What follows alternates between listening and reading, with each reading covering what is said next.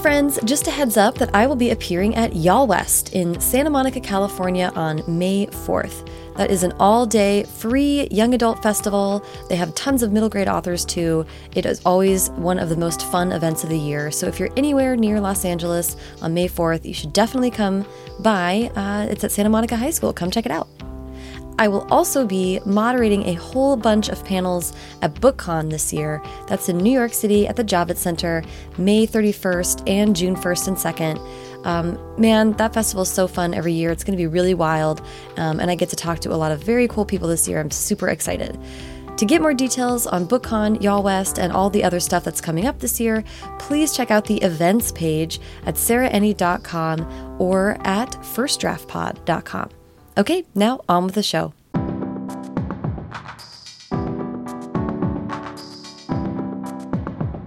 Welcome to First Draft with me, Sarah Enni. Today I'm talking to Ally Condie, New York Times best-selling author of the Matched series, as well as Summerlost and The Dark Deep, co-written with Brendan Reichs.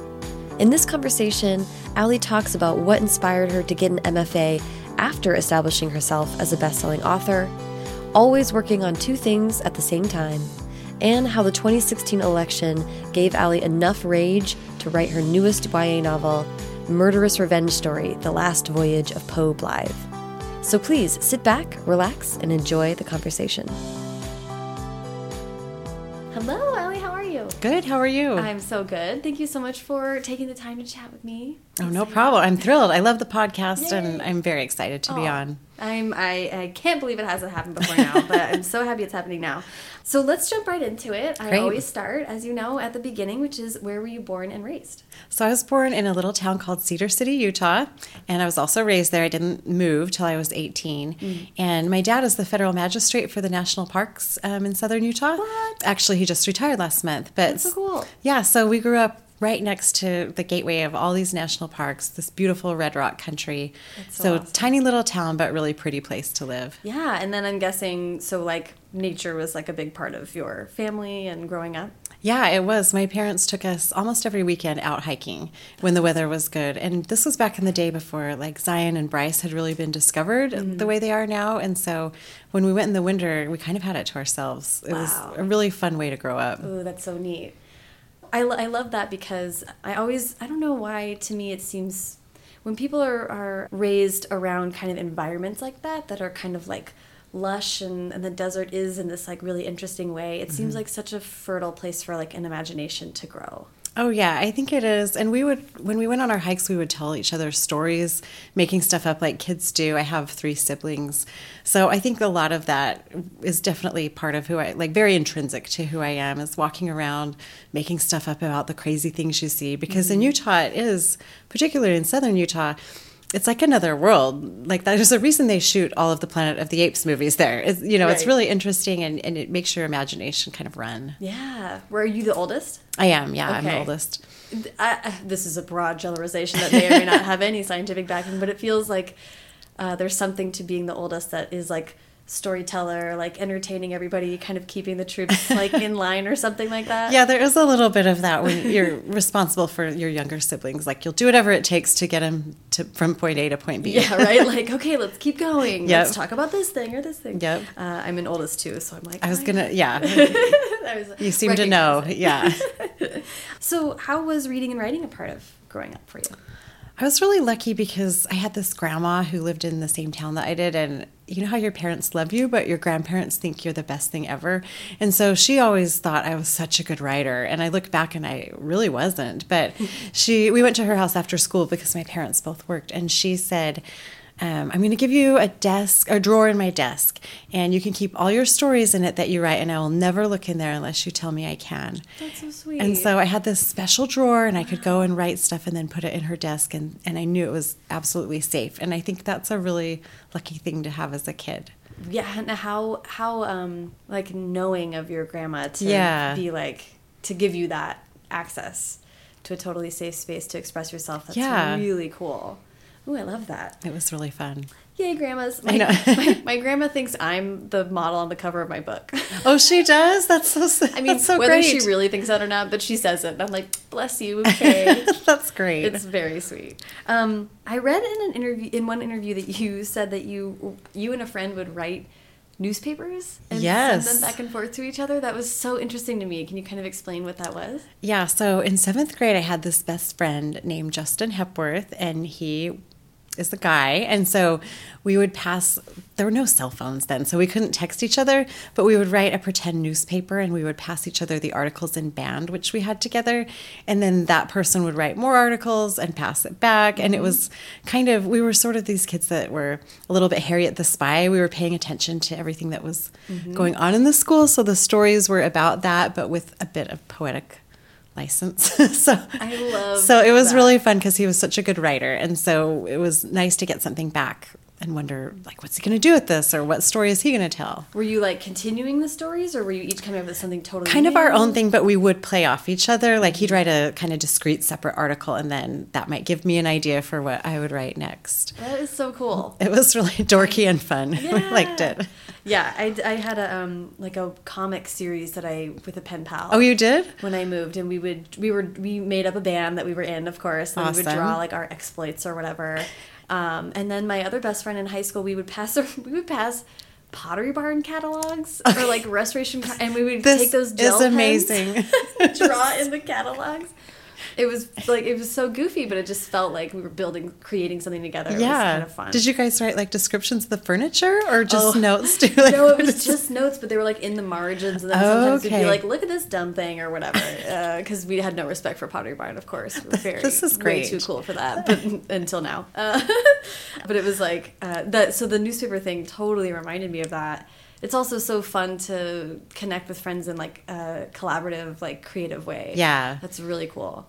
So lead me to teaching English and like I'd love to know just how kind of you moved into adulthood, where was writing, how did you kind of then pick it up in a more serious way, all that good stuff. That's a, yeah. I think about because it seems very natural English teaching and writing. That's not a weird combination at all.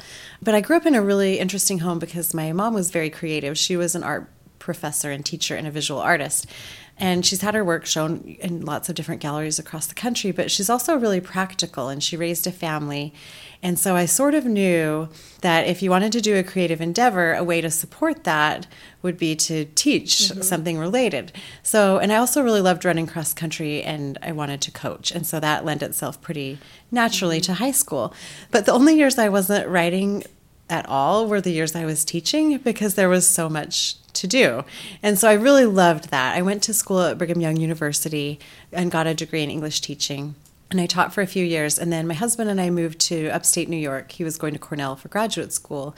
And I had our first baby the first year we were there. And to make extra money, we were living in a sorority as the house parents. So there was us in this little room and then 40 19 year old girls. And I wasn't teaching anymore, but I was surrounded by teenagers. And I mm-hmm. thought, I'm going to try to write a story that my former students would like, that maybe I could imagine myself handing to the girls here at the house and seeing what they thought. So, kind of like living in that teenage environment too. I think both of those things led me to be able to write again. It's so funny like now looking back, right? Like you how old were you do you think when you were living in the house? So, I was, let's see, I was 26 when we Okay. first moved in. I mean, you're absolutely so much more mature than a 19 year old, but to say like house parent is just so funny. No, like- it is. and we were not that much older than they were, but we felt Right. so much older. Yeah, years are so much more meaningful then, right? Like, Yeah. every year as a kid, kid to young adulthood, Yep. it just makes a huge difference. But yeah, um, that must have been a really interesting experience. It was so interesting. Someday I think I should write a book about it, but I also want to respect the girls. But it was really fun and really surprising. Surpri- That's a great Yeah. word for it. Yes. So I I did uh, read in a couple interviews with you that yeah, when you were an English teacher, it was like it was interesting because you had you worded it that you were the least creative that you'd ever been when you were teaching English, and and I know what you mean as in not being productive, but that struck me as such a interesting framework, like.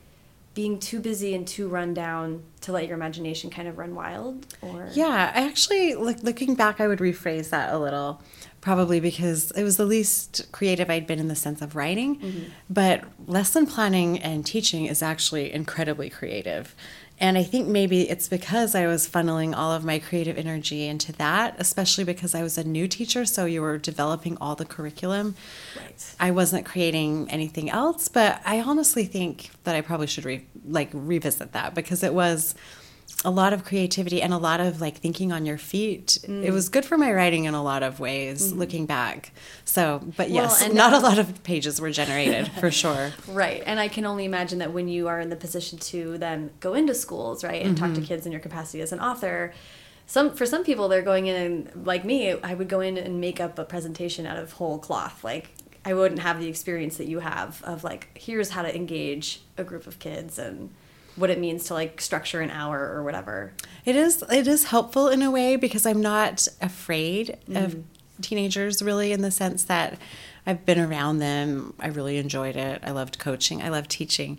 But it is a very different thing to do an assembly sized presentation than to develop a relationship with kids over the course of a year, you know, 30 kids per class. Mm-hmm. So that part feels odd to me because I'm not a showman. You know, I don't have a background in drama or improv or, you know, anything. Right. I'm not like your super entertaining I don't know, like I'm not a performer at all, but I really like connecting with kids. And so I like being in the environment of the high school, even if it's not, say, my ideal one, which is I'd like to teach, I'd like to be there for right. a week, like working with you day to day on your stuff. That's my like ideal situation. Yeah, which you never get on. Like, that's not possible right. on tour. But right, that would be a, that would be an interesting. That's called other... teaching, and it's hard. Yes. Let's move into the your first series. Your first, I think there were four books. There were three. three. Well, okay. no, actually there were five. Oh, okay. But two of them were standalone, and three were a series. Yeah. Gotcha you were in the house with your husband and uh, your new baby and you were getting kind of serious about wanting to write. Tell me about like what was it like to dive into writing those first few books? How did you seek publication? All that all that good stuff so it was really hard because I had so my full time job was to take care of the sorority and the, manage the staff and the girls, um, just make sure their needs were met. And I had a baby, and then I had another baby. So back then, when I was writing, I kept thinking, this is the hardest it will ever be there's no way it could be harder than this, like writing while I was up at night with babies and then girls coming home at all hours. But it turns out writing's always hard. I don't know if you've discovered that yet. Yes. you can think it can't possibly get harder. And then, of course, it does or in different ways. So I just sort of chip away at it, really mm-hmm. piecemeal. I used to read um, Shannon Hale's blog. Actually, I, I still do, but she was someone that I admired a lot as a writer. And I remember she wrote a post back when I was trying to figure out how to do this that said she wrote a thousand words a day. Mm. And that was just sort of something for me to hang my hat on. I thought, okay, I'm just going to set a goal and have a word count every day.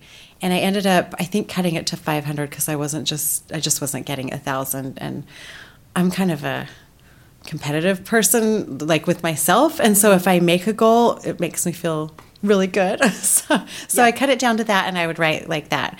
Um, and then finally, when I had a book, it took about a year and a half. Mm-hmm. I sent it to a bunch of agents. Nobody wanted it. And then I sent it to a couple of small Utah publishers that I'd heard of. And you don't have to have an agent to submit to them because they're tiny. And I sent the book, it was called Yearbook, to them, and I got a rejection, but it was a revise and resubmit. The editor there, Lisa Mangum, is still a good friend. And so I revised, I resubmitted. She said, It's not quite there, but I will look at it one more time if you want to do a second revision. And at that point, I thought, This is ridiculous. Like, I'm clearly not cut out for this. I'm not very good at it. I should be focusing more on maybe going back to teaching or doing something else. But at that point, it had been so much just investment that I gave myself another try. And at that point, they did accept it for publication. So I published that series with them and then two more books, a Deseret Book. And honestly, I don't know if I would have, I like to think I would have kept writing no matter what. But that was like a really important step to have someone believe in me and to have that book on the shelves and it was kind of an exciting, exciting time to be at Shadow Mountain Deseret Book. They have two imprints. Brandon Mull was there, and he's since made the jump. And so there were a lot of really fun people working there who were excited about publishing for kids. And so I feel really lucky that I was there when I was.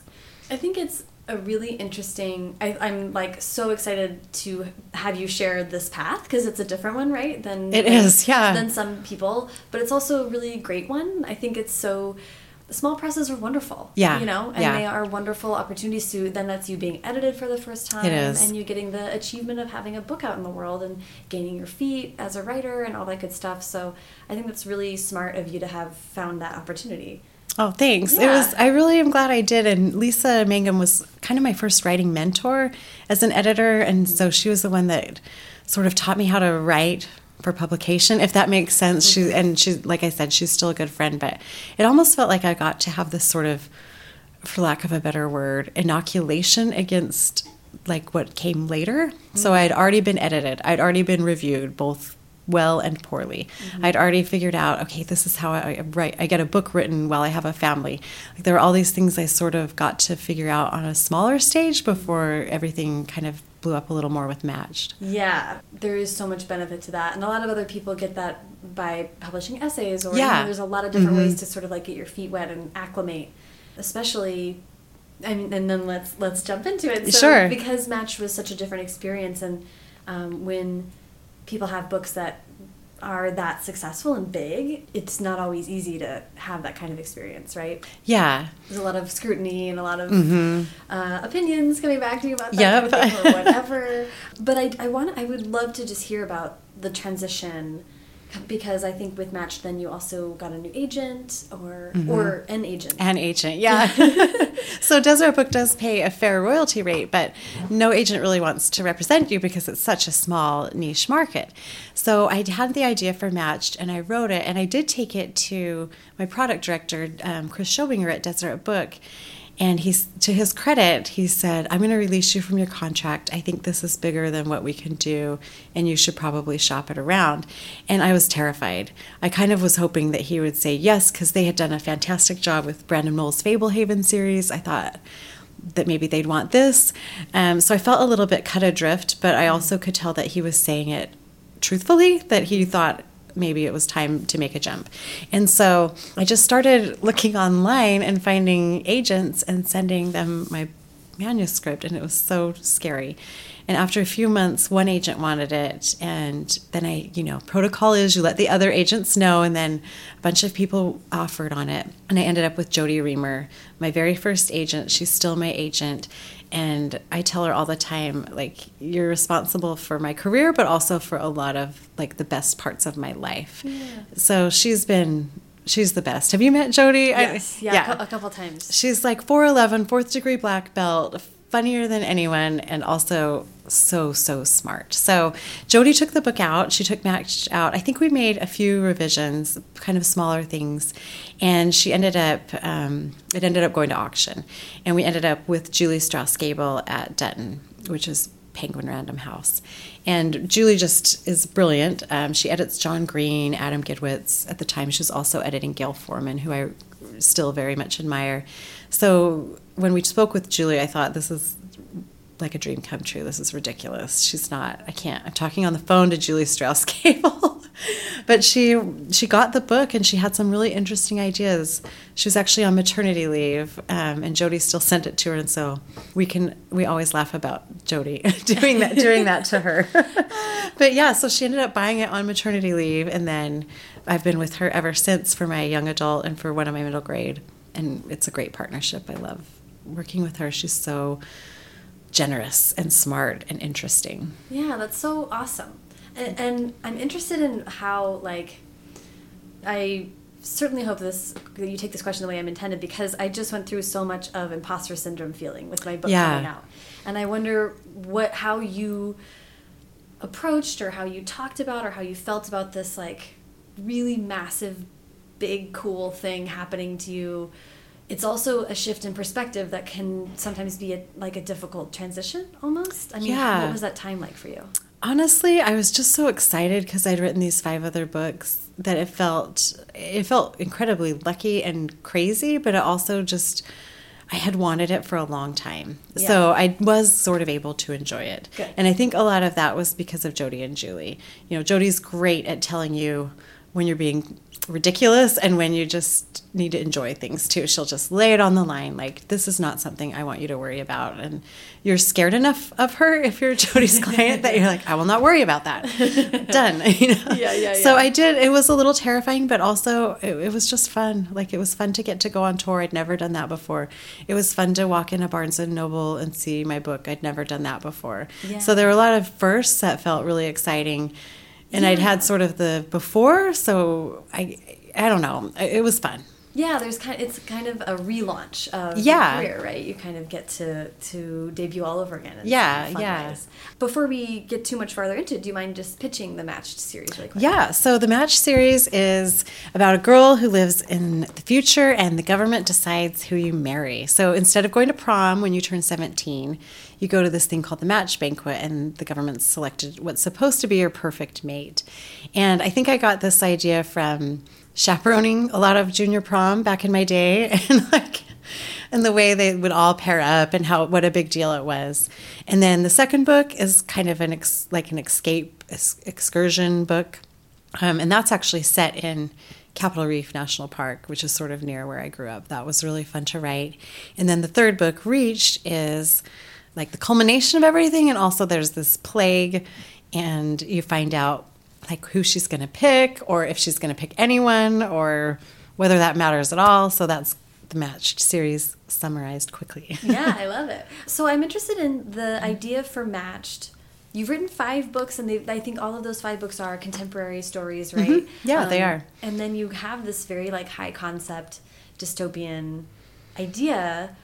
Did it feel different? Had you had ideas like that before? How was how did you go about approaching this like really different kind of genre and all that stuff? I hadn't had any dystopian ideas before. I had tried to write a fantasy and it had gone badly. so I, it, it was weird because you don't get a lot of books like this, but it's sort of, I had the idea and I had the voice pretty early, and I started writing it in first person present, which I had also never done before. But it came together. The voice was the easiest part, which isn't always the case. So, yeah, like other than Summerlost and The Darkdeep, because I have a co-author on the Darkdeep, so we are able to write pretty quickly. Match was the fastest I've ever drafted a novel, Interesting. and that was really surprising to me. Yeah, Huh.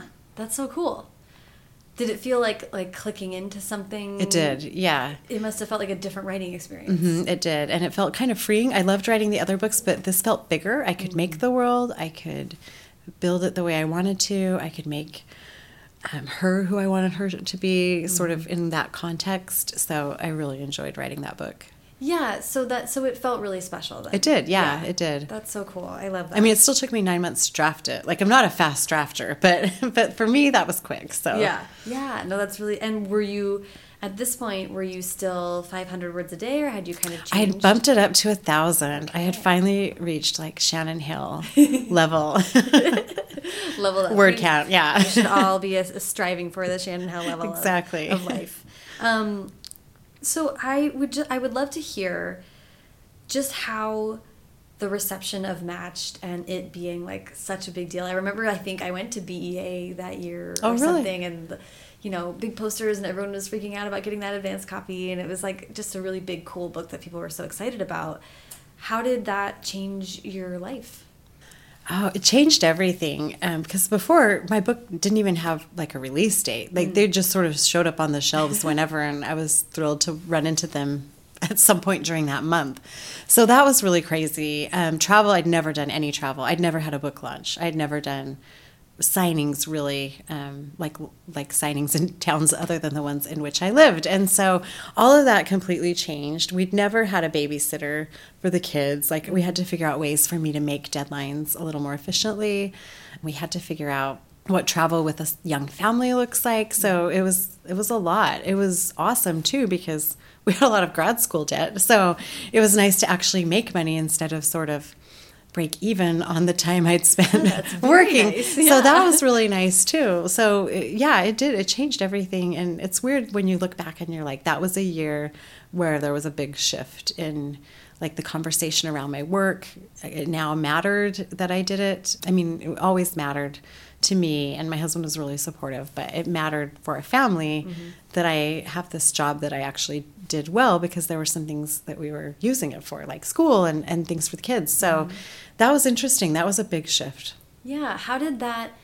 I love that you said, yeah, then it's time to get a babysitter, right? I mean, were, yep. you, were you fundamentally then like, okay, we all recognize like mom needs like her time in her office, or like how did that kind of? Yeah, it was kind of so when I was writing Crossed, I realized I'm not going to make this deadline. So for the first time ever, I hired a babysitter, and my cousin was going to college in the same town where we lived. So for four hours a week, I had a babysitter, and it is crazy what you can get done in four hours a week. and then we can, we kept bumping that up. Like right now, um, we're at about 12 hours a week with a babysitter. So we, and when I'm gone, we have to have one more. But I started to realize um, that if I could write in the morning, that was really good quality time. And then I was more on for my kids later in the day. And I still was at home. I was just writing at some points in the corner of the living room, mm-hmm. and they were playing upstairs. And then I'd go upstairs if they wanted to play downstairs. Um, but now I have an office in the house. And so that's really nice to have. Yeah. That's so awesome. I mean, it's, it's very, I don't know, it's very interesting to hear writers talk about how like yeah functionally within like yeah. day to day like like thing things change outside things change inside to accommodate. But it seems like you were still like thousand words a day is kind of like yeah trying to hit that benchmark. And then when yeah. revision hits that as you know that's a different schedule. It's kind of like all hands on deck we might need some extra help. We, I might be up really late. You know how, yeah. like, you just have to get it done. Isn't it funny how revisions are like, I mean, writing is truly like, you're just done. Like, you tap out at yeah. a certain point, and then revisions, you'll look up and you're like, it's been six hours. Like, yeah. it's just such a different. I've been in these weeds for a while. Yeah, it just feels like, um, and especially when you get close to the end, you're just like, ah, yeah. What is food? Who cares? No, let's get out of here. Yeah, exactly. It has to be done. I with. can see the end. Yeah. Mm -hmm. Oh my gosh. So, what were you thinking about um, following up this trilogy? You, I, I'm so interested that Atlantia came along and it was a standalone and it's kind of a really different world. Mm -hmm. Like, mm-hmm. how were you approaching like what's what's coming next? So, to be honest, we had a lot of we had two really great hard and hard things happen while I was writing the matched series. So I'm getting kind of personal. I hope that's okay. Yeah, but one of my sons was diagnosed with special needs with autism, and then we also adopted our daughter. And so over the course of writing that series, we'd had these just huge shifts in our family. And so Atlantia, um, I took my time on. I just I felt like I'd sort of gotten the matched series out one a year, like done the best work I could do, but I thought, let's take a step back and think about, you know, what's a story look like that I want to write now? And it turned out it was another dystopia. It turned out it was um, not set in the matched world, but another girl who's sort of figures out something's wrong with her world. It's more of a sister story than a romance, which I was interested in exploring because I have sisters and I think it's a really uh, one of the most important relationships in your life. I know it's a birth to the grave sort of scenario. And I was also interested in The Little Mermaid, which I had read as a kid and loved the really dark actual Little Mermaid story. So even though it's not mermaids, it's dystopia, that was kind of the idea was, you know, what would you give up to have this life that you really, really want that nobody around you seems to be all that interested in, but you know that you're meant for it. So those were kind of the things I was thinking about, the ideas I was ex- like exploring. I don't know how they connected to my family life, but I think I wanted to do something different and I wanted to take a while to think about it and mm-hmm. make it into something like a little more intricate maybe. The match series is definitely intricate and has a lot going on that I had to plot and think about and be careful with, but I wanted to see if I could do all of that in one book. If that yeah. makes sense. Like Yeah and one book is easier to write yeah. than three books. Right? Yeah, like, uh, uh, I love trilogies too, but I think I we've all known people who are writing trilogies who are like, oh boy, you know, yeah. it takes a long time. Um, so it's sometimes lovely to just have a standalone. Yep.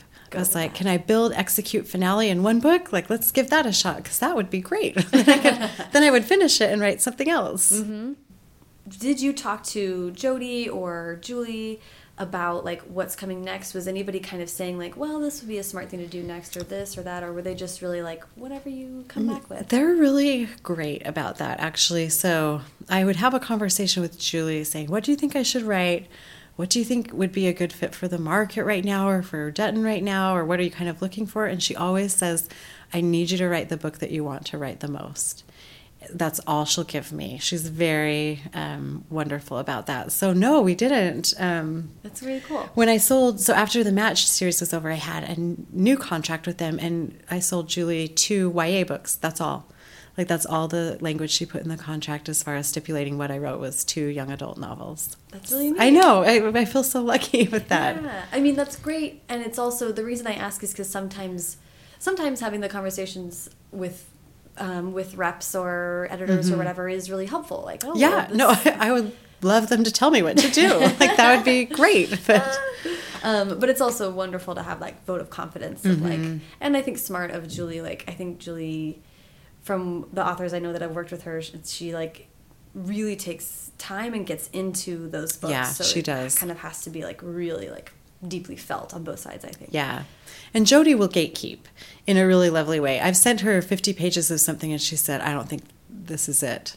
And and I and when she says it, I usually I'm a little bit sad initially and then I realize, oh, I don't think it is it. So she's good about kind of letting me know, oh, you're on the right track, keep going, or I'm not feeling it with this. Yeah, that's really I, I love that. It's really useful, right? It is To very have- useful, yeah. to have those clear, Yes. clear eyes outside of your brain when you're so deep into something. So I want to I want to um, move on and talk about Summerlost. Sure. It's so neat that you then got the chance to do a middle grade. Yeah, that was not on the contract.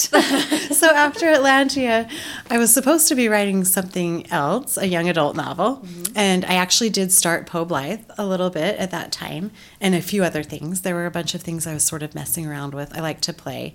And then I started writing Summerlost, which was not what I was expecting to write or supposed to write. It's a middle grade contemporary. Mm-hmm. And I hadn't done that in a long time. I did write one for Deseret Book that was a middle grade contemporary. So I started writing it and it just it was like matched, which I hadn't had since. It just felt like this is the story I want to write. The voice came really easily. And so I sent it to Julie and Jodi and they were both like, Great. We'll add this to your contract. This is this is what we want to do. And that was really I loved that they wanted the book because it was felt very validating to me that it was something that I had done that, even though it wasn't what I'd been doing, was still worth their time and worth putting out there. Yeah. Do, uh, uh, do you mind pitching Summerlost? No, so Summerlost, so it was a finalist for the Edgar for Best Juvenile Mystery the year it was published, and it does have a bit of a mystery in it. There's this boy and girl who are best friends, and they're trying to figure out what happened to this actress who died in their town under mysterious circumstances. But it's also a friendship story, and the friend I spoke about earlier, Justin, he and I met in seventh grade, and even though the circumstances are different, I had just lost my grandpa and my baby sister, and I was very sad. And in the beginning of the book, in Summerlost, Cedar, the main character has lost some people she loves, and she kind of feels like, you know, this is, I'm just going to be sad forever. And I remember feeling like that in seventh grade. Like when you're that sad for the first time, you kind of feel like, so this is just how life is. Mm. you're sad a lot. And then I met this boy, and we didn't like date or anything. I mean, we were 12, but he was just my best friend, and everything got fun again. And so I mm. wanted to do that in a book where this character has been grieving, but she meets someone who just gets her because I think in middle grade, I mean, there are those butterflies and fun little romances and big feelings, but also your friends are so critical at that juncture. Oh man, yeah. And I think I read that when you were writing Summerlost, you'd also you had just lost your grandma. I did, yeah.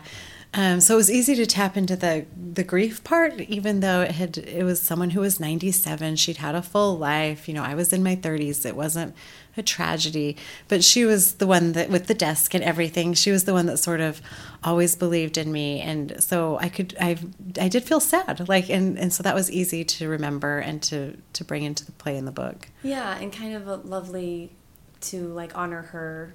Yeah, I dedicated the book to her because she was so wonderful. And Yeah. there's this great Agatha Christie quote. I think it's the first line of her autobiography where she says, It's a very lucky thing to have had a happy childhood. And I had one, and I think about how lucky that was all the time. Yeah. Well, I love that, and I want to. I kind of want to come back to Sure. tackling grief when we talk about Poe. Poe. She's Yeah, she's sad.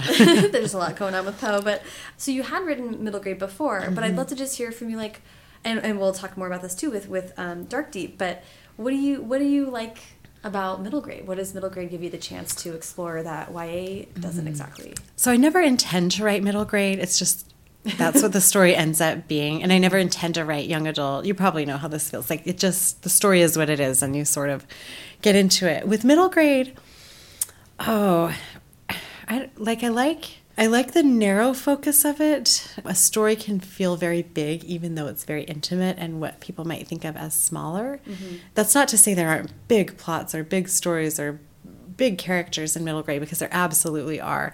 But I feel like the middle grade readers are willing to say, okay, I want to know everything about this dragon or I want to know everything about this kid's house. You know, there's a there's a willingness to kind of dive deep with you in middle grade that I really love writing. There's a richness there that's, of course, there in YA too, but I don't know, feels a little different in middle grade. Yeah. It's a lot of um, when my, my really good friend Kirsten Hubbard wrote a couple middle grade books, and she was so cognizant the whole time that many of the concepts she was introducing were going to be the first first time, time, yeah, that a kid encountered that. Mm -hmm. So she was really, and she was talking about stuff that was like a little bit darker and possibly like a little scary. So she was like really trying to figure yeah. out like because uh, kids are gonna, gonna then get so curious and really mm -hmm. respond to it strongly, um, which is like kind of joyful, right? yeah, yeah, it is. Kind of neat to think that you're helping build. Yeah, I might be your first, whatever this book is. You know, like that's kind of exciting. Yeah, I also I I think about that with YA. I realized in my book because I was like, oh uh, uh, these are references to things that th these kids might not know about, so they'll just think I'm very clever. yes, no, you do feel like kind of a genius. It's nice. like later, they'll know that I was just. They'll be like, "Wait, she got that from wherever." Yeah, like, but for now, I seem like I really know what I'm doing. Okay, I'm so excited to talk about going to Vermont. oh, great! Yeah, I think this is such a cool thing that you did. So, tell me about actually the timeline of that and what made you want to decide to pursue an MFA? Okay, so I have some friends who had been to the the Vermont College um, of Fine Arts program. And so even before I wrote Matched, I'd spoken to um, Emily Wing Smith, who's a good friend, Carol Lynch Williams, a couple of other authors who live in Utah who had been and loved it. And it was sort of always my dream. Someday I'm going to go to that program. And then finally, just everything kept getting in the way. I kept having more kids, which was awesome, but I didn't want to leave them. And then 2015 rolled around, and um, someone at my son's school said, Well, you better do everything you can right now because adolescence is about to hit and then they really need you. And I had thought, Well, they always really need me. But that was an interesting, I don't know, I just had not thought of it in that way. And I had kids who were sort of not tiny, but not ancient. Yeah. so I thought, well, ne it's never going to be a good time. I had sort of been waiting for the perfect time. And I was also at a point in my career where I was writing and I was loving it, but um, like a lot of us, I was self taught. I'd never taken a creative writing class. I was getting asked to teach a lot of things, and I didn't feel like I always had the vocabulary to teach. Mm -hmm. And also, I know how to teach you how I write, but I wanted to know a lot of different ways to teach writing and to explain, mm -hmm. okay, maybe if I have a student someday who doesn't get it the, coming at it from this angle i want to know all the angles. Or lots of different ways to enter a story or to um, to workshop. And also i'm a dork. Like i really like going to school. And i like learning. And i liked having an excuse to buy a backpack and like notebooks. And so it turned out that that was i just decided to take the jump. So i applied and went in the fall or sorry in the summer of 2015 and it's a two-year program. It also works really well with having a family, it's hard because you have to leave for 11 days twice a year to do the residencies. But for me, that's actually easier than leaving every day to go to. So, BYU actually has a great creative writing program, and I could have attended for free because my husband teaches there. It would have oh. made much more sense in a million different ways. But in the end, this made more sense for my family, and I also wanted to have an educational experience that was not in Utah. Nothing against Utah, but I had done my undergraduate work there. And, and Vermont also specializes in children's. Books, yeah, it's right? one of the only yeah. programs in the country that's. And I didn't want to spend one minute defending writing for young people. I was like, I want to go to a program that honors that and validates that and thinks yeah. it's I don't want to spend any of my precious time away from my family, like arguing that point. That's a really good point. Yes. Yeah, good for you. Uh, so how how was it? I just would love to hear like what were some of the highlights. What do you feel like you really gained from that experience? It was amazing. It was being around other people who wanted to learn. it was being around teachers who were fantastic instructors who were there to help you. You know, you get mentored by your editor and your agent, but it's different. I also really like being coached and mentored. And so I had access to these brilliant authors. Like, for example, one of them, one of my advisors, so for a whole semester, who went over my work with me and actually looked at Poe and helped me with it, is Kekla Magoon. Mm. I mean, who gets to have Kekla Magoon spend four months helping them with their writing? That's incredible. You know, and then another was An Na, who won the Printz a few years ago. So I had these fantastic instructors that were teaching me how to write, teaching me different ways to look at manuscripts, guiding me, asking questions. I loved all of that. And I loved being on campus, mm-hmm.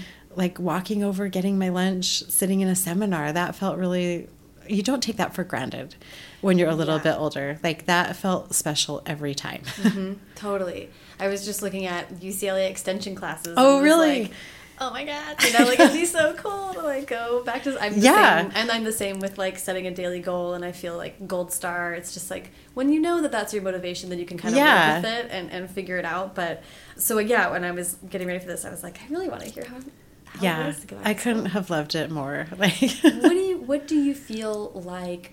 What were your like growth points? What do you think? Or did you have any kind of breakthrough type feelings with your work while you were there?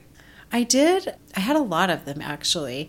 There was a workshop that I did with Martine Leavitt. Are you familiar with her? So she, she's a genius, like a stone cold genius. And she, I spent the whole time workshopping a project with her and with our workshop group. And at the end, I knew I was not going to write this book.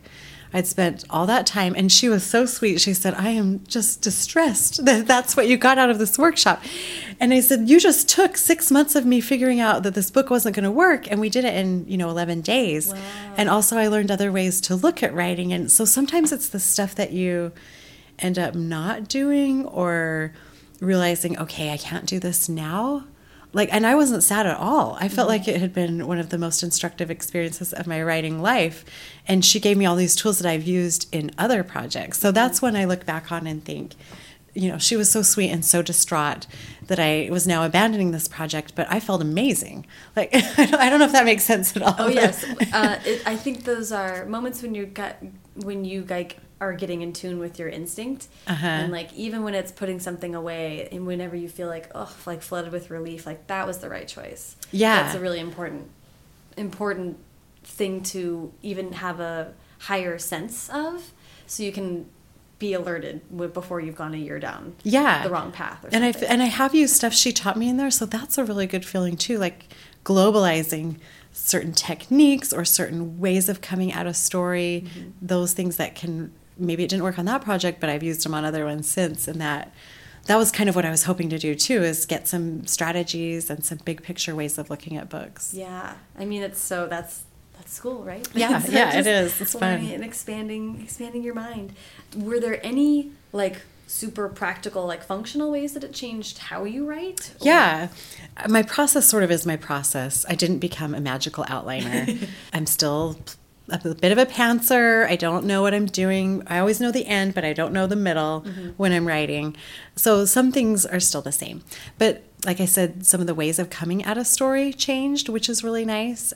I tend to write more vignettes now, mm. which I didn't do before, and I, those don't always make it in, but it's really helpful for getting the character. And then one of my professors taught me this little trick that I'll give you for free that really has proven to be true. He said, when you get, if you feel like your chapter endings aren't right, about half of the time you've overwritten them. Go back up the page and figure out where you said what you were actually trying to say and then you wrote past it. Have you already learned that? I was um, so surprised. It, but it does work about half the time. I'm like, oh, I nailed it up there. And then I just kept like writing over it. Right. That's just so funny because uh, in an episode that recently came out, two screenwriters were saying Quentin Tarantino's rule of thumb is always take out the last two lines of oh, dialogue. Oh, seriously? Yeah. Interesting. So I think that's a pretty persistent. I hadn't heard that one. And like, and yeah. I, I, was like, oh, I hadn't even thought about that. But but you're right. In, in prose too, it's as the writer, you kind of like really want to like not only put someone to bed, but like tuck them in. Yes, and, like, that's a great of way of stuff. putting it. Um, but you don't actually need the audience doesn't need all that. Yeah. Um, so once you've done it, then you can pull yourself back, and that's fine. But but yeah, that's so interesting. It's kind of a cross um, medium. Yeah. Truism. Just go back up and see if you had it already. Yeah, I love that, and and you know, I think it's gratifying for an audience to just have enough and not yeah, and like keep moving, right? Mm-hmm. Especially in, in kid kidlit, we don't indulge as much. As Yeah, we don't. In adult, um, they're so smart. They don't need you to lay it out for them. They got it when Yeah. you said it the first time. yeah, totally. Like I already Yeah. know. I really love that. So, I, so I would love to hear how being at Vermont. Had you already like put Summerlost to bed? Where were you as far as Yeah, projects? Summer Lost was done. Okay. So I went to school when I had just done, I think we were still doing copy edits, but it was, you know, pretty much finished. Mm-hmm. And so it was a really neat spot to be.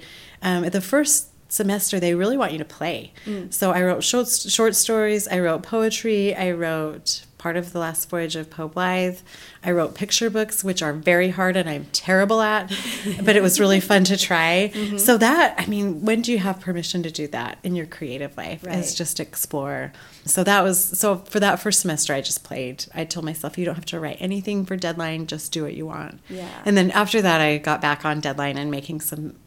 Making my real projects happen, but I did give myself those four months to just do Yeah. whatever. Were you surprised by the kinds of things that were Yeah. out? I mean, sometimes you're surprised at how bad it is. I mean, I guess you, but I was like, these picture books are wretched. They're so bad. But it was so fun. Like, I knew no one would ever see them except my advisor. It was really fun to play.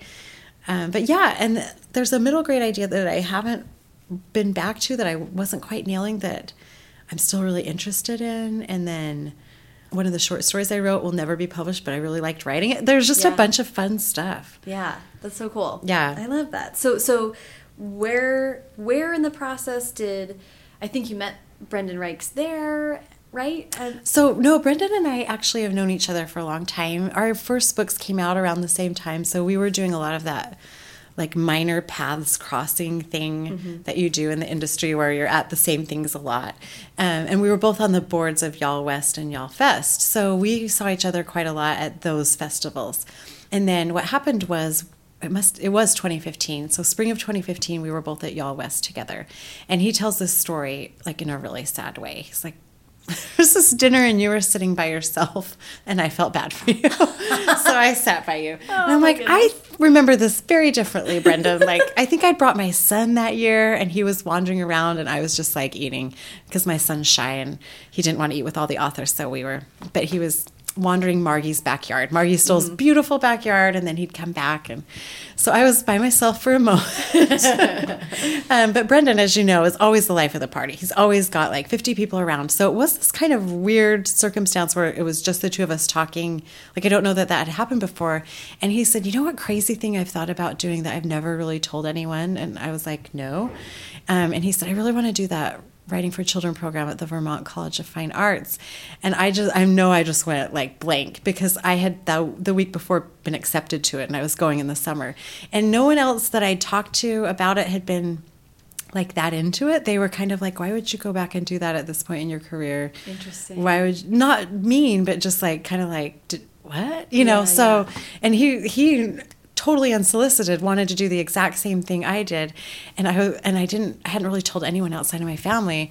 And so I said I'm going. Like I was like I'm doing it. And he was like wait wait go in the winter. I'll apply and we'll go in the winter. But I knew if I don't go now I'm going to lose my like moxie. I'm not going to actually do it. So he ended up coming a semester later and we ended up getting put in the same workshop groups like they we don't know how like that was totally lucky i guess but so i saw how he wrote and Mm-hmm. he saw how i wrote like at the very beginning level that you don't usually Right. you know what i mean Mm-hmm. see your colleagues i mean you do you have your beta readers or whatever but But you choose them very carefully. yeah, exactly. like it was kind of raw. And so that was interesting. Like we really got to know each other's process too. And it was so different from one another's. So we, but yeah, we became really good friends over the course of those residencies, like hanging out. And we were two, there were a few published authors there, but we, had known each other pretty well, so it was really fun to talk about like, oh, what do you think about that lecture in light of like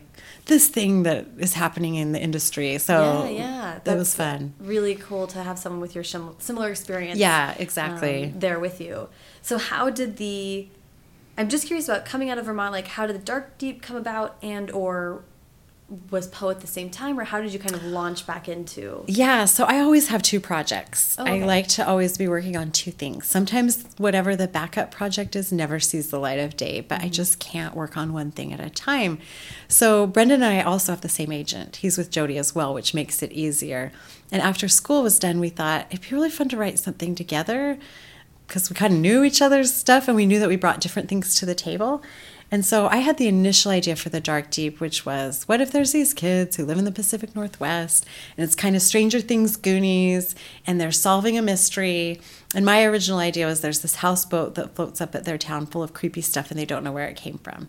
And then Brent, so I told, I pitched that to Brendan and then he was like, okay. And then he exploded it. Like he took, he, like we still have the houseboat, but he made up the Darkdeep itself. That was all him, which is this well that if the kids jump in, it makes what they're imagining become reality. And in the beginning, it's really fun because they're, we call them figments, like figments of your imagination, are appearing on this island with them, and then they vanish, and it's all great. And then it gets a little darker, like it's reading the stuff at the back of your mind that mm. you don't really want to think about.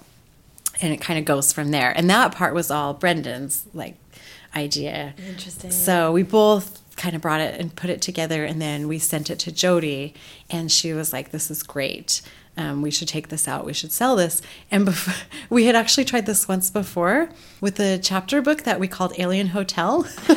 It was like Magic Treehouse age and it was so fun to like write but Jodi did not love it. She was like nope guys we're not going to do it. So we were really pumped when she liked the Darkdeep and uh, she for what it's worth. Yes. I am very interested in alien hotel. I, I hope like that some in some way shape or it form. is trademarked. We don't want anyone else to write it. So if you hear about this we're still going to do it. But uh, yeah amazing. we thought it was a really cute fun idea. We just didn't execute it. Which is funny how that still happens even after you've like been published there are things that sometimes just don't yeah. come together. Or the timing isn't right for whatever yeah. or something. It's very it's still mysterious yeah. right? Which yeah. is great and very annoying. yeah, exactly. Uh, that's so interesting that you're always working at, on two things. Yeah. Uh, do you, is it day on, day off? Is it? No, I'll do both on a day. It's usually, it's actually a trick to get past being stuck. Hmm. So if I get stuck in main project, then I'm like, well, you can stop writing in here, but you, are going to have to go work on that backup project. Mm. So cool. Yeah. So Poe was kind of the backup project for a while when I was writing Summerlost. Okay. And then it got bumped to the forefront, and then I was writing it while I wrote Darkdeep. Okay. Part of the time. Mm -hmm. That's really interesting because they are both a little bit darker. Yeah. Which is really interesting. I mean, did you feel did you feel like a tonal shift? Was it yeah, Poe was so much darker, even than Darkdeep, though, yeah. that it, it still feel, felt like a big change when I was going back and forth between those two. But yeah, I mean, Poe felt different from anything I'd written. Yeah. So tell, um, first of all, you, you did a good job of um, explaining Darkdeep. Okay. Um, uh, so I feel like we got that. But do you want to pitch uh, Poe Blythe? Yeah. And Darkdeep. So we just finished the second book, which is called The Beast. It's three books, which is really fun. But that's kind of perfect writing for me because, like, one day I'm in charge of the Darkdeep or the Beast, and then the next day I have to do my own thing. So I mm-hmm. like that a lot. Um, but so Poe is a revenge novel. And I also think it's the most romantic book I've ever written, which sounds strange when you compare those two. But um, I kind of think of it as like Mad Max Fury Road meets Firefly meets something super lovey. um, but it is really dark, really, it's kind of a Western in a way, but a dystopian Western, mm-hmm. which is why I made the Firefly comp. Mm-hmm. It's a little bit of a grittier, darker world than the Matched one was. It was a dark, Matched was a dark world, but it looked pretty on top. And this one doesn't right. bother with any of that. Right. And it's about a girl who is, I'm like, you probably do this better than me, oh, but oh, no. uh, uh, she's, well, She's getting you would you need to do it. I think. No, you're great. There's so, a lot. so at the beginning, she's had a hard life, and in the first chapter, she has sort of everything she's ever wanted, mm -hmm. and by the end of the first chapter, it's all gone.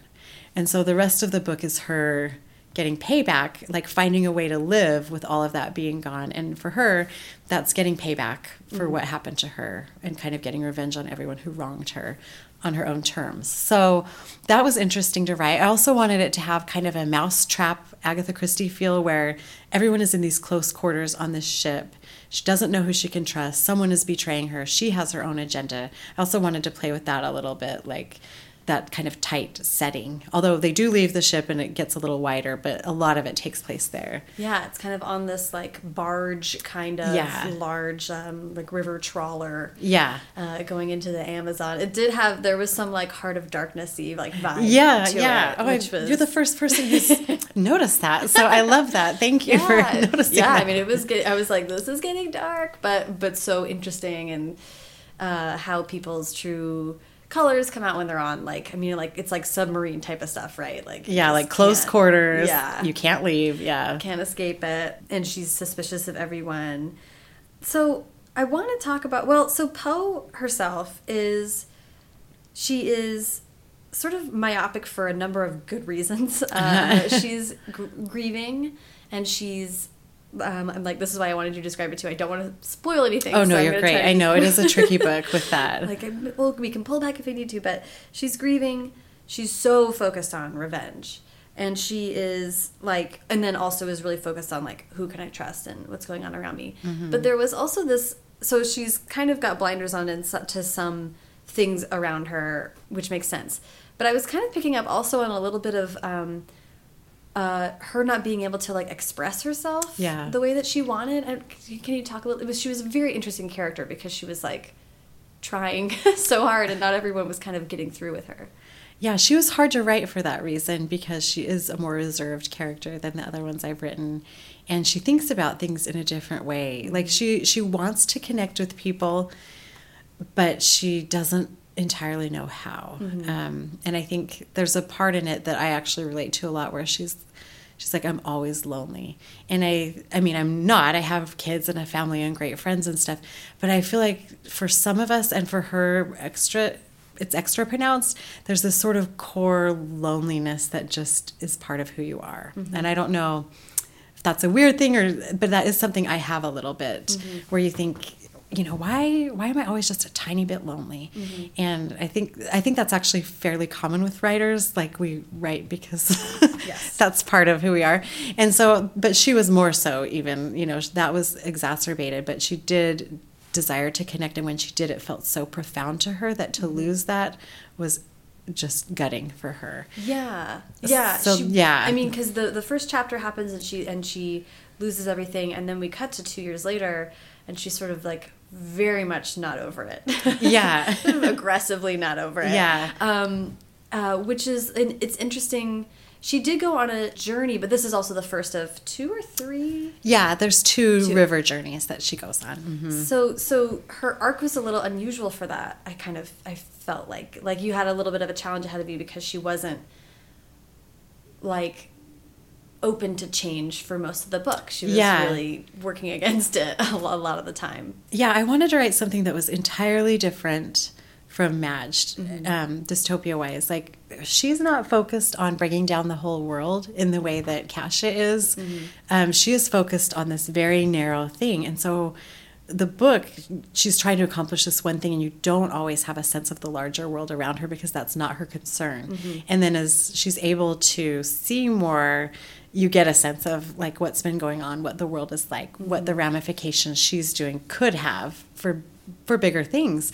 And that I feel like that's how grief is, at least for me when you have loss you're just putting one foot in front of the other. You maybe hang your hat on one thing you can do to like stay alive. I mm-hmm. mean, to be honest. And so that's kind of what she's doing at the beginning. And then as you are like grief becomes a little bit not dispelled, but there are other things sort of coming in as well, then you can see, oh, there's this world out here. Oh, here's how I'm interacting with this world. Oh, maybe I'm capable of a little bit more. But I mm-hmm. wanted to show that sort of like narrow focus expanding. Um, and I also wanted to do a dystopia where the love story was different in the mm-hmm. sense that, without spoiling too much, she is deeply in love with someone who she will never have. Mm-hmm. Like, that's not on the table. And I thought, what will that what does that look like? And she's like very resigned to. Uh-huh. She sort of is like, it's over for me. like in that yeah. department, like I'm not. Yeah. um, not available, kind of. I mean, Yeah. Mm-hmm. that's how she moves through the world as being not available for like hardly even friendship, really. Yeah, and it's not like a choice she's making. Well, she doesn't think. Mm-hmm. She's like, this is just how it is. Yeah, she was. I mean, I really like. I connected with her, and that's lovely to hear your description of like a little bit lonely. That's really, I do think a lot of authors and a lot of people. I think, for sure. And that that was like it was the heart of darkness kind of, and then and and it was so visual. So I, I want to talk about the world a little bit. Um, Yeah. I don't think it's a spoiler to say that it's she lives in this town that's kind of an outpost No, this is all great. Yeah. uh, it's it's a, an outpost that's been abandoned or like kind of left to fend for itself. Yep. And then people who chose not to live in the outpost anymore and they're living in like what I pictured to be like deep dense forest by the Uh-huh. riverside. Um, they're like at odds. These kind of two groups are really fighting to the death in, in Yeah. some ways. But the world was so it was I was like, when is it? You know, it's Yeah. really kind of it's really cool. It's really like it doesn't give you all of the answers in a really kind of fun way. So what? How did you think about that? What was? Where did the world come from? What were you kind of trying to express with it? So the world is sort of based on, like I said earlier, Wild Westy, um, kind of Idaho. In this, so I went on a family vacation and we ran into this. We were going hiking, and we came across this dredge, this mining dredge, this great hulking metal ship in the middle of this ruined river valley. It's just been left where it where it was because it's too expensive to move and just rusting for decades. And it was so otherworldly to me. I kept thinking this looks like it's from the future, and it just is here. Um, and so I started thinking about what would that look like in a story like this seems like a great dystopian setting. So that's how I started building the world was like what would that look like and I wanted it to have a different feel from Matched. Like I said earlier, a little dirtier, a little more hard scrabble. Which is definitely the Firefly vibe. Yeah, exactly. for sure. Yeah. uh, in like a in like a lived in like lovely way. Yeah. Yeah. And like growing up in the West, there's all these forts where there's one about an hour from my house. And it's really, when you go see it, it's strategically built. And if you don't come into the fort, you're not safe. But people also, if you live in the fort, there's a whole set of problems too. So I was kind of thinking about that. Like when you gather people in and you make them stay, who wants to leave? Who doesn't want to be gathered? And what kind of dynamic does that set up? Ooh, it's so interesting. there is, it's very, uh, um, and the LA Times that festival has an award every year that they give out about books, like books about the West. Yeah. it's, not like liter- always literally about the West, but it's sort of just like literature of the West is a very particular thing. It is. Um, and for people who are born on the West Coast, you know, like I lived on the East Coast for a while, and I was like, we're, we're not the same. no, it's it is like there's a mentality, or I I don't know what it is. Yeah. An openness, like we're used to big skies and big geography and just big stuff, I guess. big stuff and, and and there's some element of the interpersonal that's really different i think people on the east coast are raised they're they're it's older it's a little bit more established they're Mm-hmm. they're a little bit more used to being like around people and not here it's like build a fence this is my land Yeah. like who are you and what are you doing here i mean there and like we are of course like gregarious friendly people as well but uh, Yeah. but they're it's different um, Yeah. in a cool way I remember hiking with my parents, and and my parents are great, and they're personable. And My mom's an educator. My dad, you know, they have friends, but it was always better when there were less people. And I think that's a Western mentality. Like, Yeah. if you go out into the wilderness, it's always better if there's fewer, like human beings there. I don't know if right. that. like- go, go like you go like go west to escape. Yeah, You- exactly. the people who were going west were not like let's Yeah. go hang out with everybody Yeah, and like exactly. start a family band. Like it was like, okay, the Oregon Trail is bleak. yeah, exactly. you only went there if you had this like unextinguishable desire Yeah. to forge into the unknown totally alone. Yeah, exactly. Which is wild. it's crazy. So I'm not saying we all have that, but there, but we are the um, generations that came after. yeah, we are. um, there's something to that for sure. I read somewhere that that the last voyage of Poe Blythe uh, was the first book you wanted to write, or like that you in, intimated in this interview that it was like an old, old, old idea. It is. I, it was the first book I wanted to write after Atlantia. Oh, okay. So may, I may have misspoken that a little bit, but it, and it took forever. I mean, I started it in 2014 and it came out in 2019, which mm-hmm. is a mm-hmm. long gestation period. And I had the idea for her and the dredge and everything. I knew it was a revenge novel. And then I would get to page 100, 150, mm. and I just the middle was not coming together. And I knew where I wanted it to end.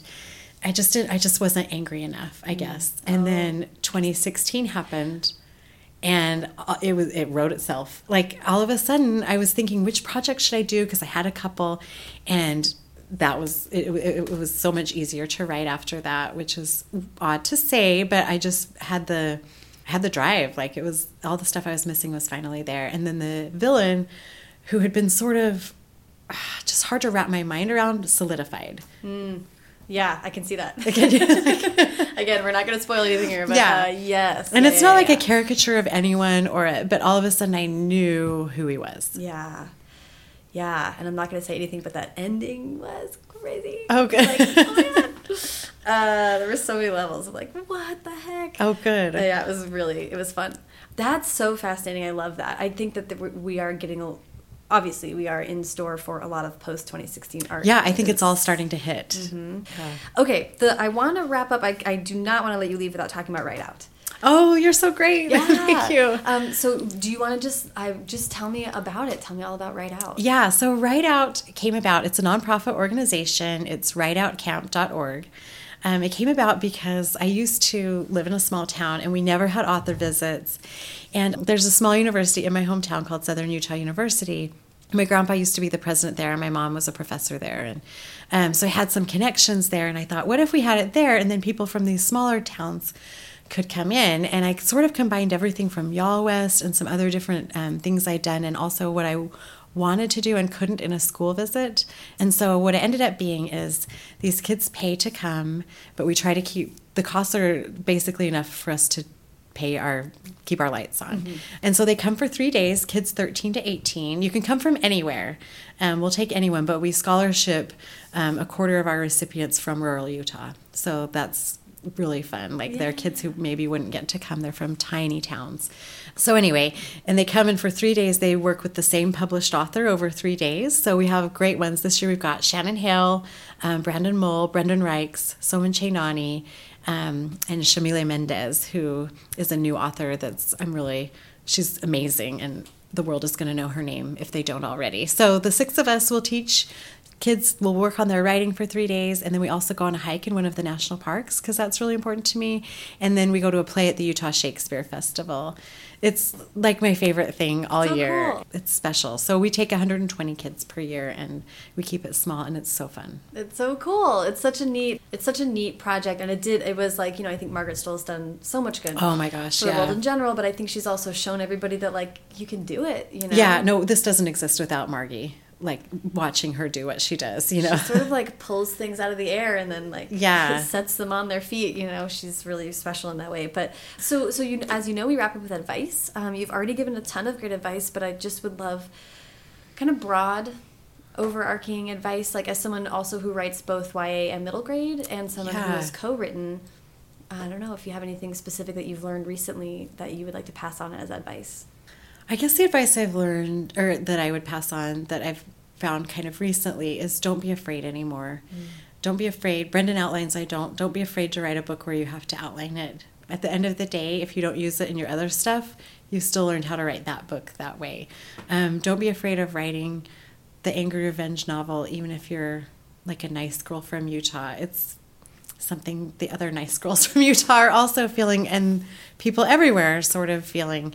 I, I guess that's just that's kind of dumb advice. My other advice would probably be find a place that you really, really love outside and go to it as often as you can. Mm.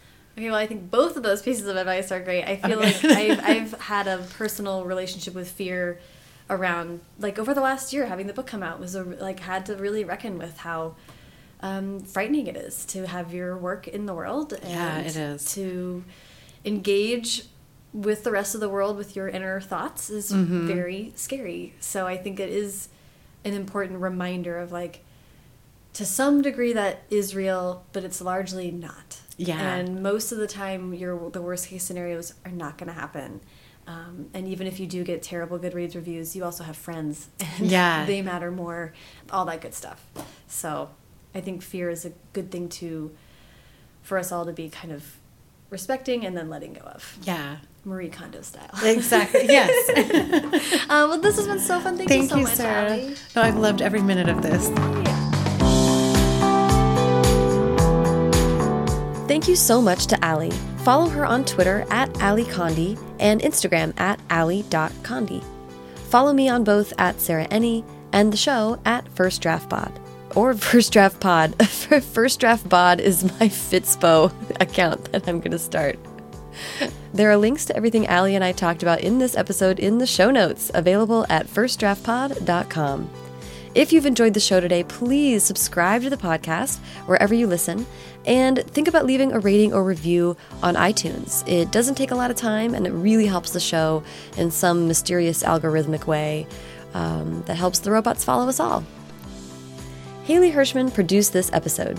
The theme music is by Dan Bailey, and the logo was designed by Colin Keith.